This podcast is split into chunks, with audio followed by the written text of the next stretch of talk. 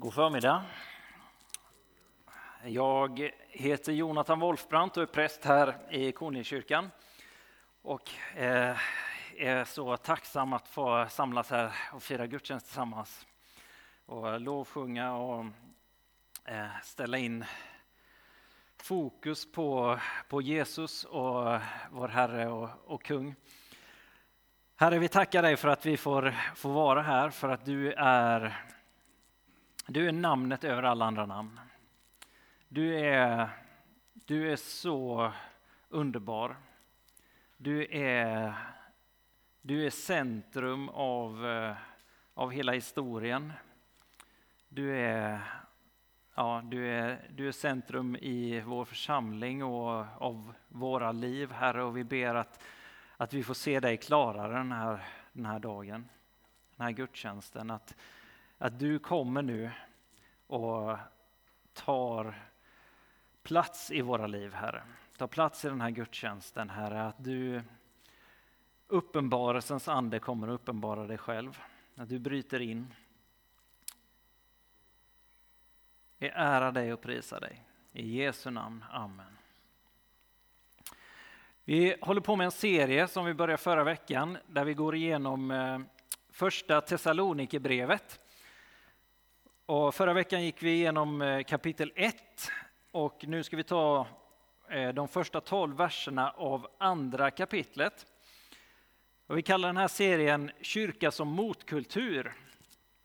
Och det här är ju eh, Paulus första brev, förmodligen. Så det är ett tidigt brev.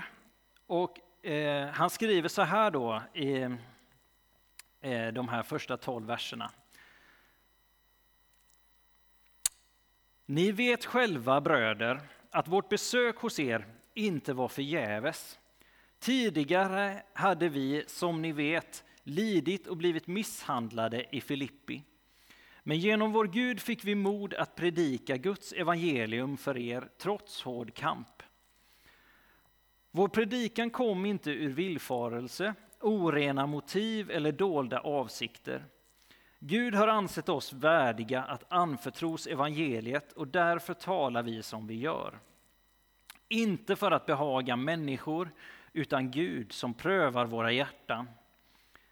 Vi har aldrig kommit med smickrande ord, det vet ni, eller med förevändningar för att roffa åt oss. Gud är vårt vittne. Vi har inte heller sökt bli ärade av människor, varken av er eller andra, även om vi som Kristi apostlar kunde ha kommit med anspråk. Istället uppträdde vi kärleksfullt bland er, som när en mor sköter om sina barn ville vi i ömhet ge er inte bara Guds evangelium utan också våra egna liv, eftersom ni hade blivit så kära för oss. Bröder, ni minns ju hur vi arbetade och slet. Natt och dag arbetade vi för att inte ligga någon av er till last, medan vi predikade Guds evangelium för er. Ni är vittnen, ja, Gud själv är vittne till hur heligt, rätt och rent vi uppträdde bland er troende.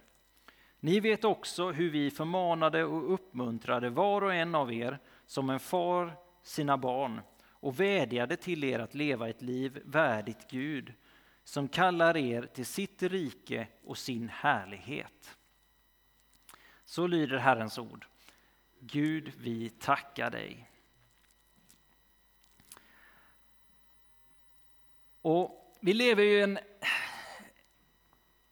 en tid, de, ja, de senaste åren och, och de senaste veckorna här nu som har varit eh, minst sagt speciella, omtumlande, omskakande.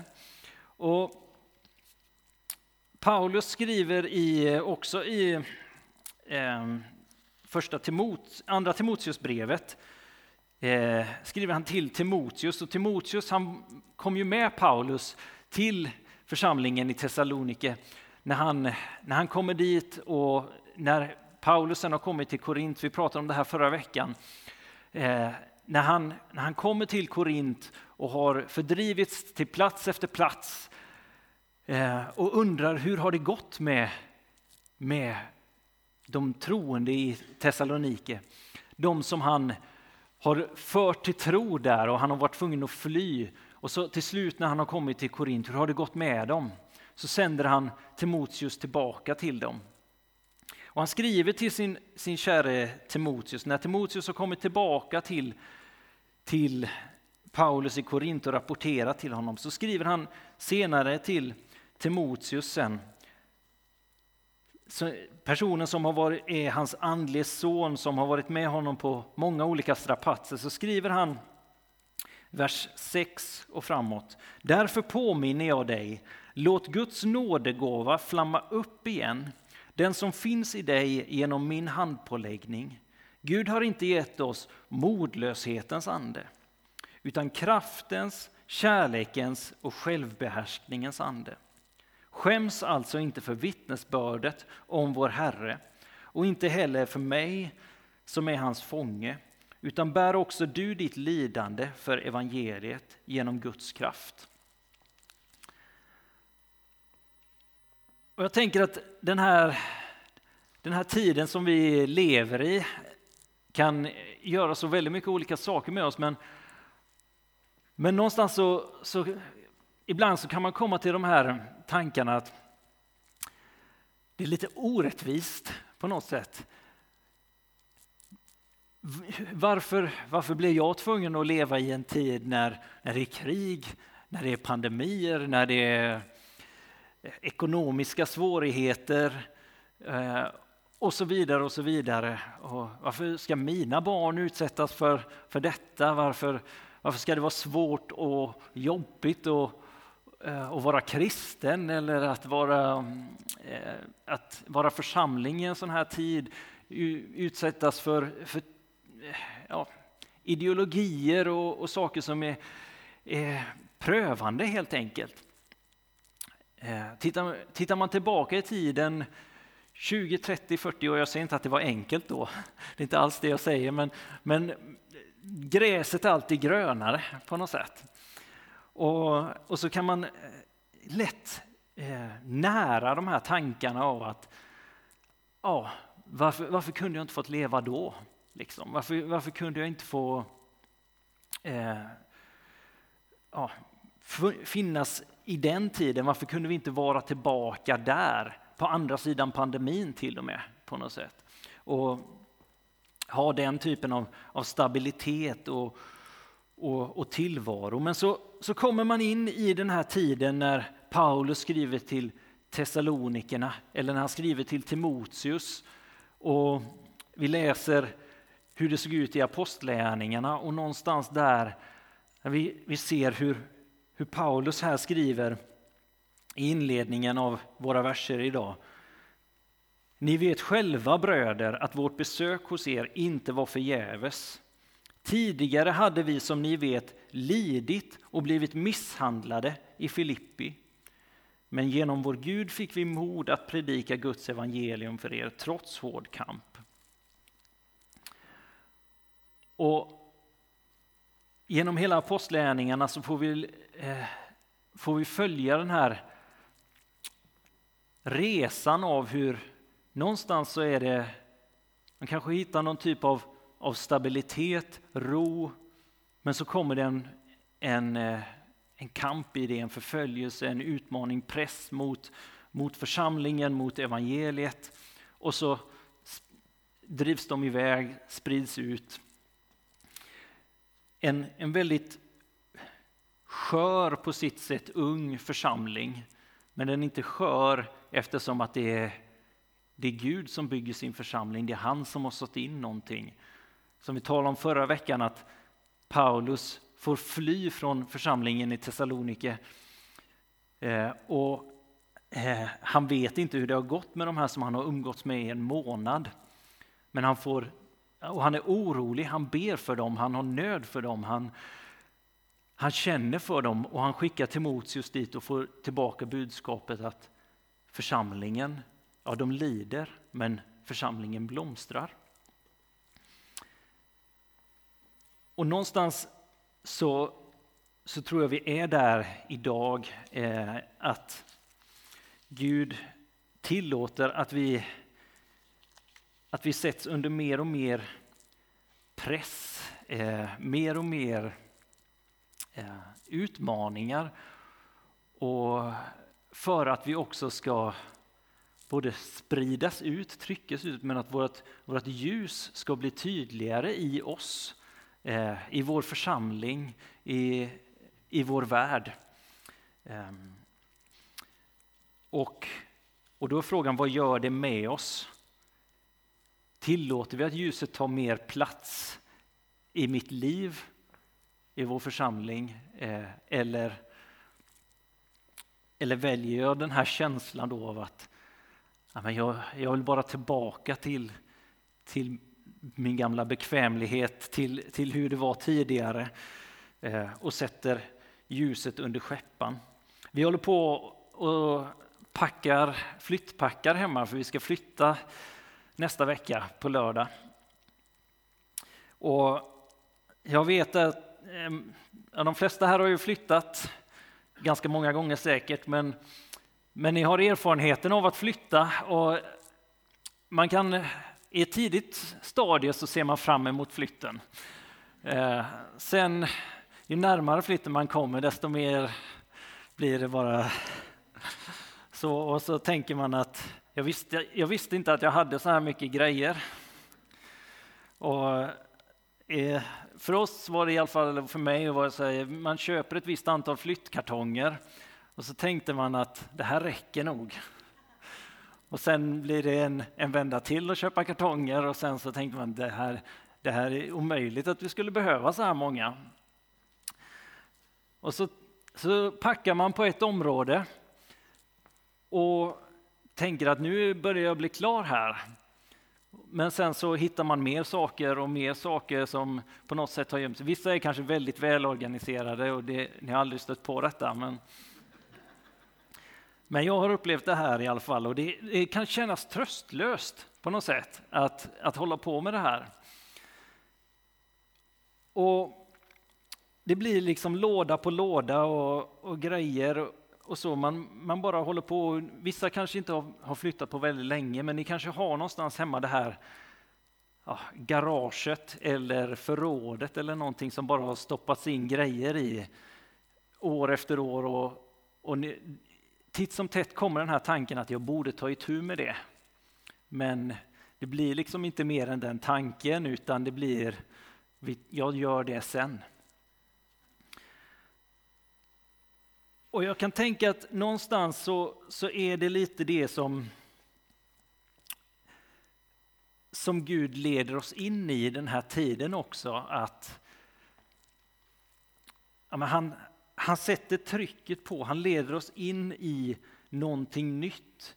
Att han, han, han visar att men, nu finns möjligheten att, att ta itu med det för att, för att vi som Paulus säger här i texten. De, de går en resa, de har gått igenom hård kamp, utmaningar, men de står där och säger vår predikan kommer inte ur villfarelse eller orena motiv eller dolda avsikter. Gud har ansett oss värdiga att anförtros evangeliet och därför talar vi som vi gör. Inte för att behaga människor, utan Gud som prövar våra hjärtan. Vi har aldrig kommit med smickrande ord, det vet ni, eller med förevändningar för att roffa åt oss. Gud är vårt vittne. Vi har inte heller sökt bli ärade av människor, varken av er eller av andra. Och någonstans så, så tror jag att Gud han, han leder oss in i det här och kanske knackar på axeln och säger nu, nu är det dags att ta, ta itu med det här förrådet. Eller står där med en, med en flyttlåda och en sopsäck och säger nu, nu gör vi detta. Och bjuder in och ger, ger redskap för de här områdena i våra liv som, som kanske har funnits med under en tid, under lång tid och säger att nu går vi vidare, nu, nu gör vi upp med det som har fått fått finnas med. Och han, han kastar ljus på, eh, på områden och säger nu, nu, nu är det dags.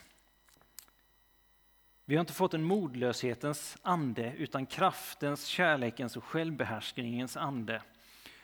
Och Gud vill att vi ska få skina i den här världen. Att vi ska, för den här, här tiden som kommer också, ska stå, stå rotade, stå stadiga, stå, stå stabila, inte i vår egen kraft, utan i Guds kraft och att han, han ska få stråla genom sin församling för det som, som han har för den kommande tiden. En tid som, som jag inte tror blir stabilare och stadigare, på ett tag i alla fall. Utan Eh, där, där det som behövs är eh, en församling som gör upp och har gjort upp med det, med det som inte är av, av Guds rike. Och där ställer ju Paulus frågan då, mycket i den här texten som vi jobbar med. Inför vems blick lever jag mitt liv? Vems bekräftelse söker jag?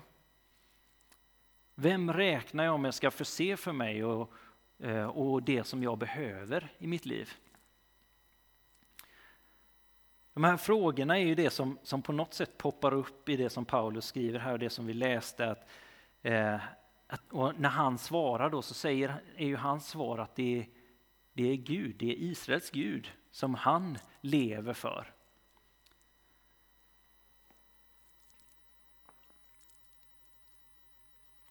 Det är där som han hittar allt som han, han behöver och därför så, så kan han säga det att han har aldrig kommit med villfarelse eller orena motiv eller dolda avsikter.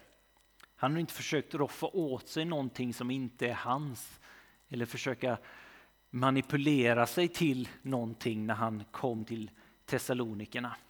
Utan han kommer med ett rent hjärta, ett sant hjärta, ett kärleksfullt hjärta som en, en mor som ammar sitt barn, säger Paulus. På det sättet kommer han till Thessalonikerna. Han försöker inte få någonting själv utav det här barnet, utan han, han ger sig själv fullständigt för dem.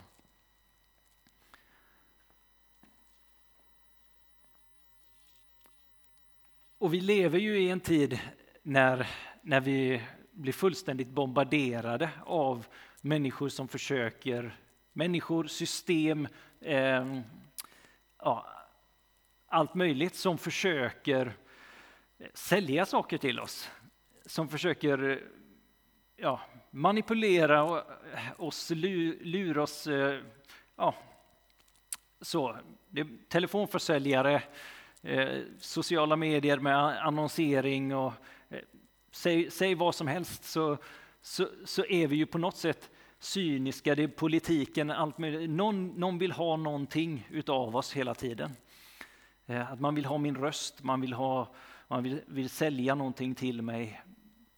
Vad det än är så, så är det alltid någon som, som vill vinna någonting utav oss. Och Paulus levde på något sätt också i den här kulturen att det fanns kringresande eh, både lärare och eh, ja, eh, människor eller eh, teatrar så som eh, kulturen där, föreläsare som åkte runt eh, och säljare som, som presenterade någonting och så kom haken där att de började presentera något och sen var man tvungen att betala för att höra slutfasen av det, slutklämmen, själva poängen.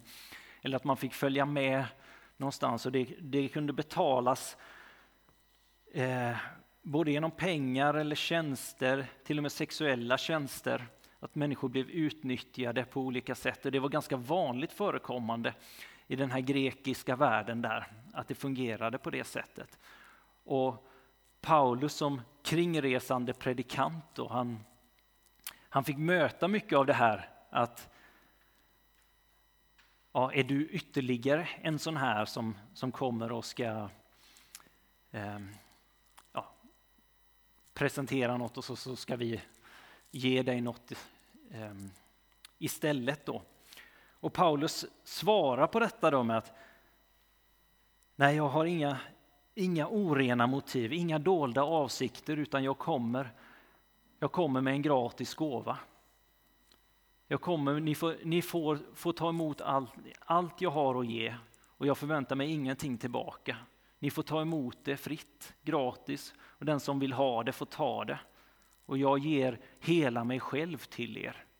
Gratis. Den, jag, jag ger mitt liv för eran skull, för jag, jag älskar er. Det, det är vad Paulus säger.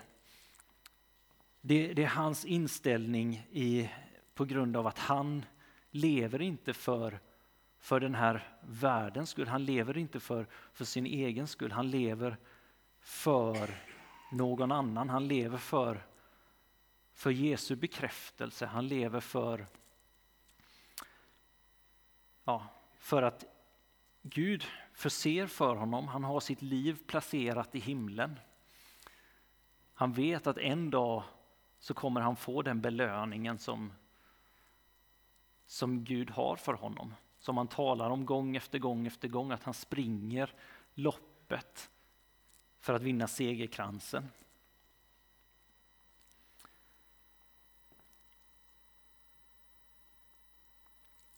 Och han säger då också här i vers 5 att, han, att de har aldrig kommit, de kommer inte med smickrande ord och heller inte med förevändningar för att, att roffa åt sig någonting. Gud är vårt vittne. Han, han har på något sätt som förtröstan i Gud och i, i, i Jesu kärlek, i Jesu kapacitet, eh, att han själv inte behöver så att säga pumpa upp detta.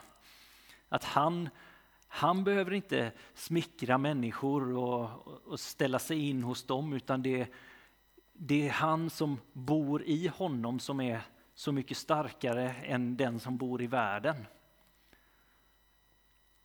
Så det, det, handlar inte om Paulus själv, utan, utan den som kommer med honom. Han vet att för honom så är det här ingen bra deal att komma och leva missionärslivet. Men, men Gud, han är det allra bästa för var och en av dem som, som han träffar. Och förstår de det, tar de emot det, då kommer deras liv förvandlas. Då, då, då vinner de allt, precis som han själv har gjort. Han har den fulla övertygelsen.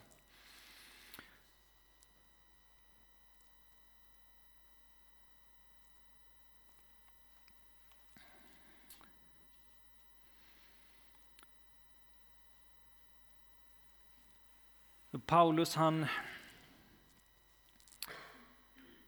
han blir prövad om och om och om igen. Han, eh, han blir utmanad, han, han blir fängslad, han blir eh, ivägkörd från, från by efter by. Men han har, han har hela tiden förtröstan på Herren. Han, han blir styrkt. Han säger här, men genom vår Gud fick vi mod att predika Guds evangelium. Så han, han är fylld av kraftens, kärlekens och självbehärskningens ande. Och han skäms inte för vittnesbördet om vår Herre. Utan han är, han är stolt över det, han kliver in med en, med en tro på, på Jesus och hans, hans kapacitet. Och där blir ju för oss då på något sätt i den här tiden så blir den, den frågan vilka, vilka områden, ja, vad, vad träffar det här mig? Och, eh, kan jag säga detsamma? Och jag, kan inte, jag kan inte i mig själv prestera eh, en förtröstan på, på Gud, utan allt handlar om att Jesus själv har, har dött och han har uppstått och han har bjudit in mig i det här livet. Precis som för Paulus, att han, han fick se Jesus uppstånden och genom hans hans nåd, genom hans uppfyllelse, genom hans möjliggörande så blev Paulus sänd på den här resan. Och bara genom att vi kommer till honom, kommer till, till, eh, till Jesus själv och tar emot hans, hans nåd och hans kraft eh, och bekänner också att ja, jag, jag har inte detta. Jag litar inte fullt ut på, på dig, på, eh, på alla områden. Jag, jag lever inför andra människor och, och deras bekräftelse. Jag, jag, litar till, jag litar till den här världens beskydd för mitt liv eh, och så vidare. Att, att jag kommer till, till Jesus och, och bekänner det och låter honom och hans nåd fylla mig. Att jag, eh, att jag så att säga lägger ner min synd inför honom. Att jag bekänner det och, och får ta emot hans förlåtelse, hans renande, hans, eh, hans kraft och hans, hans sändning. Få gå med honom. Eh, och få höra hans, precis som Petrus fick göra, när han hade fullständigt misslyckats, när han hade förnekat Jesus, så kommer Jesus till honom och säger till honom, älskar du mig? Och Petrus får, får säga om och om igen, ja, jag älskar dig, du vet att jag har dig kär. Och, och Jesus får, får bekräfta honom och säga en ny kallelse till honom att för mina får på bete. Att vi får höra de eh, upprättande, sändande orden, den bekräftelsen från Jesus på nytt. Att det här att, ja, men, ja det här är vem du är. Det, de här områdena där jag, där jag misslyckas, där jag, eh, där jag vet med mig att, att jag inte litar på Jesus, där jag, där jag inte lever på de sätten som jag enligt Bibeln och enligt, enligt Guds ljus eh, ja, ska leva. Där, där Gud, Gud, kommer och lyser upp att ja, men, så här är vägen.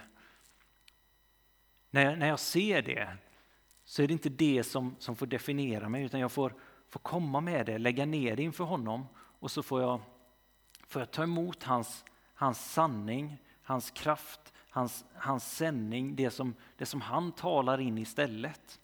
Hans, hans nya väg för mig.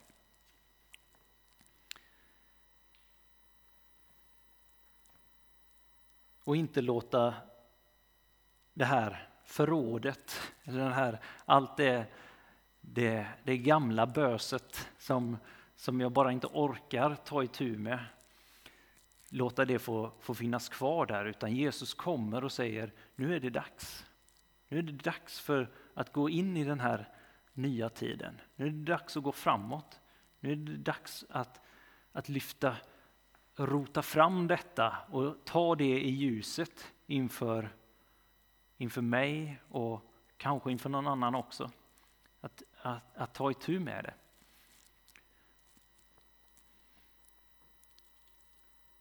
För vi är ett, ett ljusets folk, ett folk som, som, eh,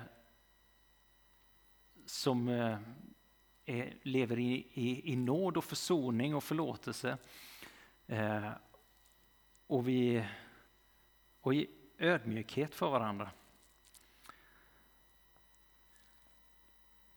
Och vi behöver inte, som Paulus säger här, att vi, vi behöver inte smickra eh, eller eh, behöver inte söka att bli ärade av människor. Varken av er eller av andra. Vi behöver inte söka bekräftelsen. Och är det någonting som, som gör ont i oss, som, som vi känner skam för, känner oro, vad ska folk tycka om det här? Så är det ännu viktigare att ta fram det. Eh, och och få, få gå vidare ifrån det, lyfta fram. För Johannesbrevet säger att det som kommer fram i ljuset, det, det tappar sin makt. Men det som får finnas kvar i mörkret, det, det har grepp över oss. Så frågan blir då igen, vems bekräftelse söker jag? Vem lever jag för och vem litar jag på? Så vi får komma till honom idag. Komma till honom med, med vår synd, vår skuld och vår skam. Med det som, som binder oss. Som du inte vill att någon annan ska veta om eller se. Berätta om det för Jesus, ge det till honom. Och så får vi komma till honom och be om, om nåd och kraft att göra de rätta valen. Att välja honom och hans rike steg för steg för steg.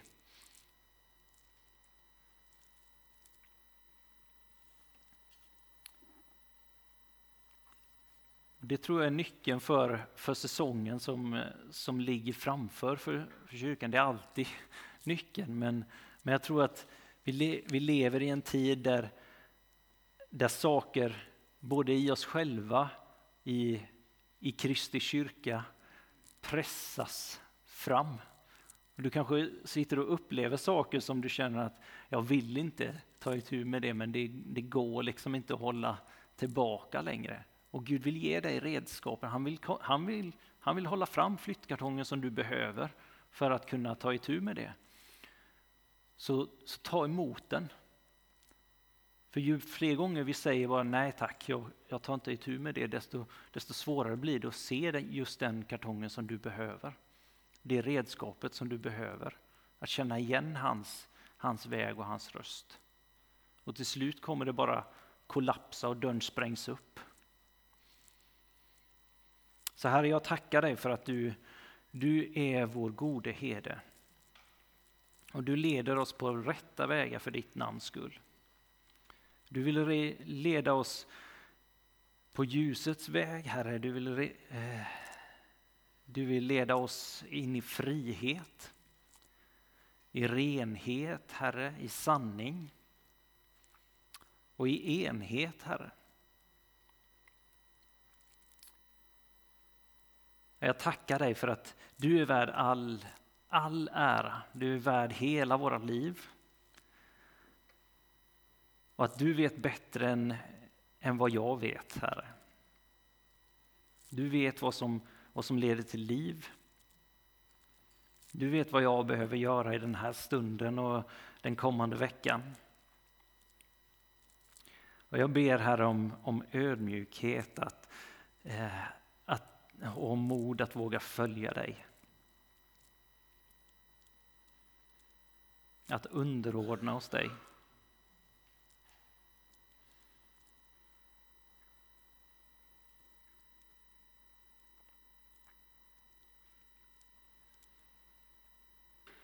Så vi tackar dig Herre för ditt kors. Tackar dig för uppståndelsen.